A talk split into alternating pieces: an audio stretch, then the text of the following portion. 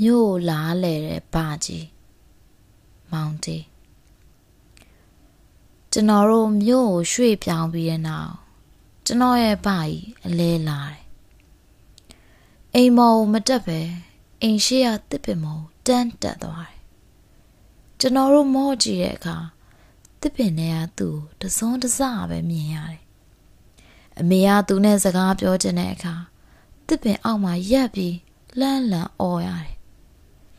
ညရောက်တဲ့အခါကျရင်တော့တပင်စီကနေတချင်းတန်တွေထွက်ပေါ်လာတတ်ပါတယ်။အဲဒီတချင်းတွေဟာမြစ်ချောင်းတွေအကြောင်းစပားကင်းတွေအကြောင်းပြီးတော့ဗကြီးရဲ့ခွေးတေသွားပြီးသူ့စီကိုဝိညာဉ်အဖြစ်နဲ့ပြန်လာတဲ့အကြောင်းတွေပဲ။သူ့ရဲ့တချင်းတွေကိုနားထောင်ရင်ကျွန်တော်တို့အိတ်ကြတယ်။ဘာယာတပင်ပေါ်မှာတပတ်တီးတီးနေပြီး သူ့ရဲ့ရွာကိုပြန်သွားပါတယ်မီးကိုကြောက်တဲ့အမေကျွန်တော်တို့အမေကမီးကိုကြောက်တယ်မီးလောင်လို့တချို့မျိုးတွေအကုန်ပြာကျသွားတာကိုသူကကြားဘူးတယ်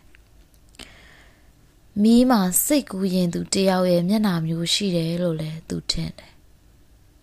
မီးဟာနှုလဲနှုညံ့တယ်ခက်လဲခက်ထန်တယ်လို့သူပြောတယ် မနက်တိုင်းဖျားစင်မှာအဝါရောင်ပန်းနေသူစက်ကတ်တယ်မီးဘေးကင်းအောင်လို့တဲ့ဗုဒ္ဓဘာသာဝင်တွေကိုကွန်မြူနစ်အစိုးရကွတ်မြတ်နေတာကိုမကြည့်စိမ့်တော့လို့ကိုကိုကိုမီးလောင်တိုက်သွင်းခဲ့တဲ့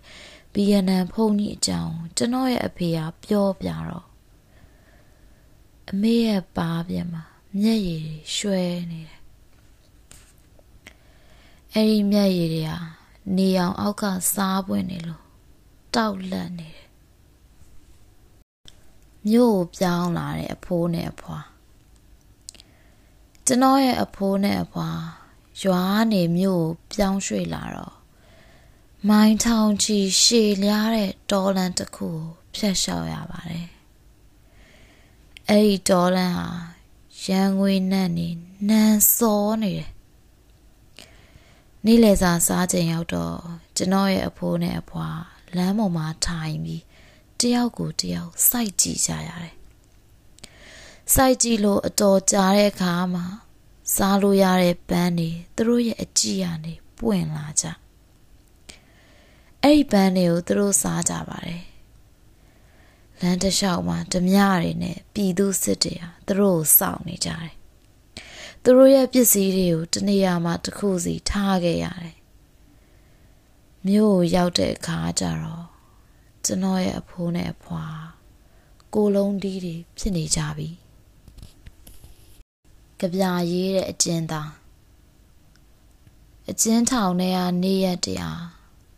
တိတ်ကိုရှည်လျားပါတယ်ညီငွေပွဲကောင်းမှုဟာအကျဉ်းသားတွေကိုယူမတက်ဒုက္ခပေးတယ် ချိုးတွေကြတော့လဲအချိန်ကိုကုံဆုံးစေဖို့အတွက်တခုခုလုပ်ကြတယ်နိုင်ငံရေးအကျဉ်းသားတယောက်ကတော့ကြပြာရေးဖို့ကြိုးစားတယ်မြေပြူတခြားကိုခိုးသွင်းပြီးညရောက်တဲ့အခါနန်းရံပေါ်မှာကြပြာရေးတယ်ဒါပေမဲ့ရေးမရဘူးကြပြာရေးတာကသူထင်ထားတာခက်နေတယ်ကြပြာဆောင်နှက်ကိုသူပင့်ခေါ်တယ်စုတောင်းတယ်ဒါပေမဲ့ဘာမှထူးမလား တညမှာတော့အမောင်ထဲမှာသူထိုင်နေတော့သူ့ရှေ့မှာမိန်းမတယောက်ပေါ်လာတယ်သူငေးကြောင်ကြည့်နေတော့မှပဲအဲ့ဒီမိန်းမမိကိုဖြစ်သွားပြီသူ့ရဲ့ပါဇက်ထဲဝင်သွားတယ်အဲ့ဒီညကတော့အကျဉ်းကန်းရဲ့နံရံပေါ်မှာကြပြတပုတ်ကိုသူရေးလိုက်နိုင်ပါတယ်နောက်နေ့ကစားပြီး ကြပြထက်မရေးတော့ပဲညရောက်တိုင်းအဲ့ဒီကြပြနဲ့သူစကားပြောတယ်အကျဉ်းသားတွေထုတ်တဲ့ကြားနဲ့ပြင်းရီညီငွေနေတဲ့နိုင်ငံရေးအကျဉ်းသားတစုဂျာနယ်တစ်စောင်ထုတ်ဖို့ကြိုးစားတယ်။အေးထောင်ထဲမှာတကယ်ဂျာနယ်တစ်စောင်ထုတ်ဖို့ဆိုတာမဖြစ်နိုင်ဘူး။စာရွက်ကိုလိုတဲ့လောက်မရဘူး။ပုံနှိပ်ဆက်ဆိုရင်တော့ဝေးလာဝေးပေါ့။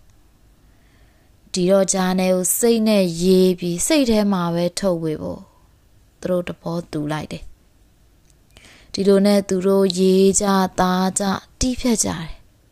တဖွဲ့လုံးတက်ညီလက်ညီပါဝင်ကြတယ်သူတို့ရဲ့ကြားနဲ့ဟာ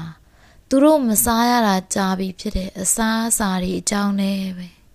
ပြည့်နှံ့နေတယ်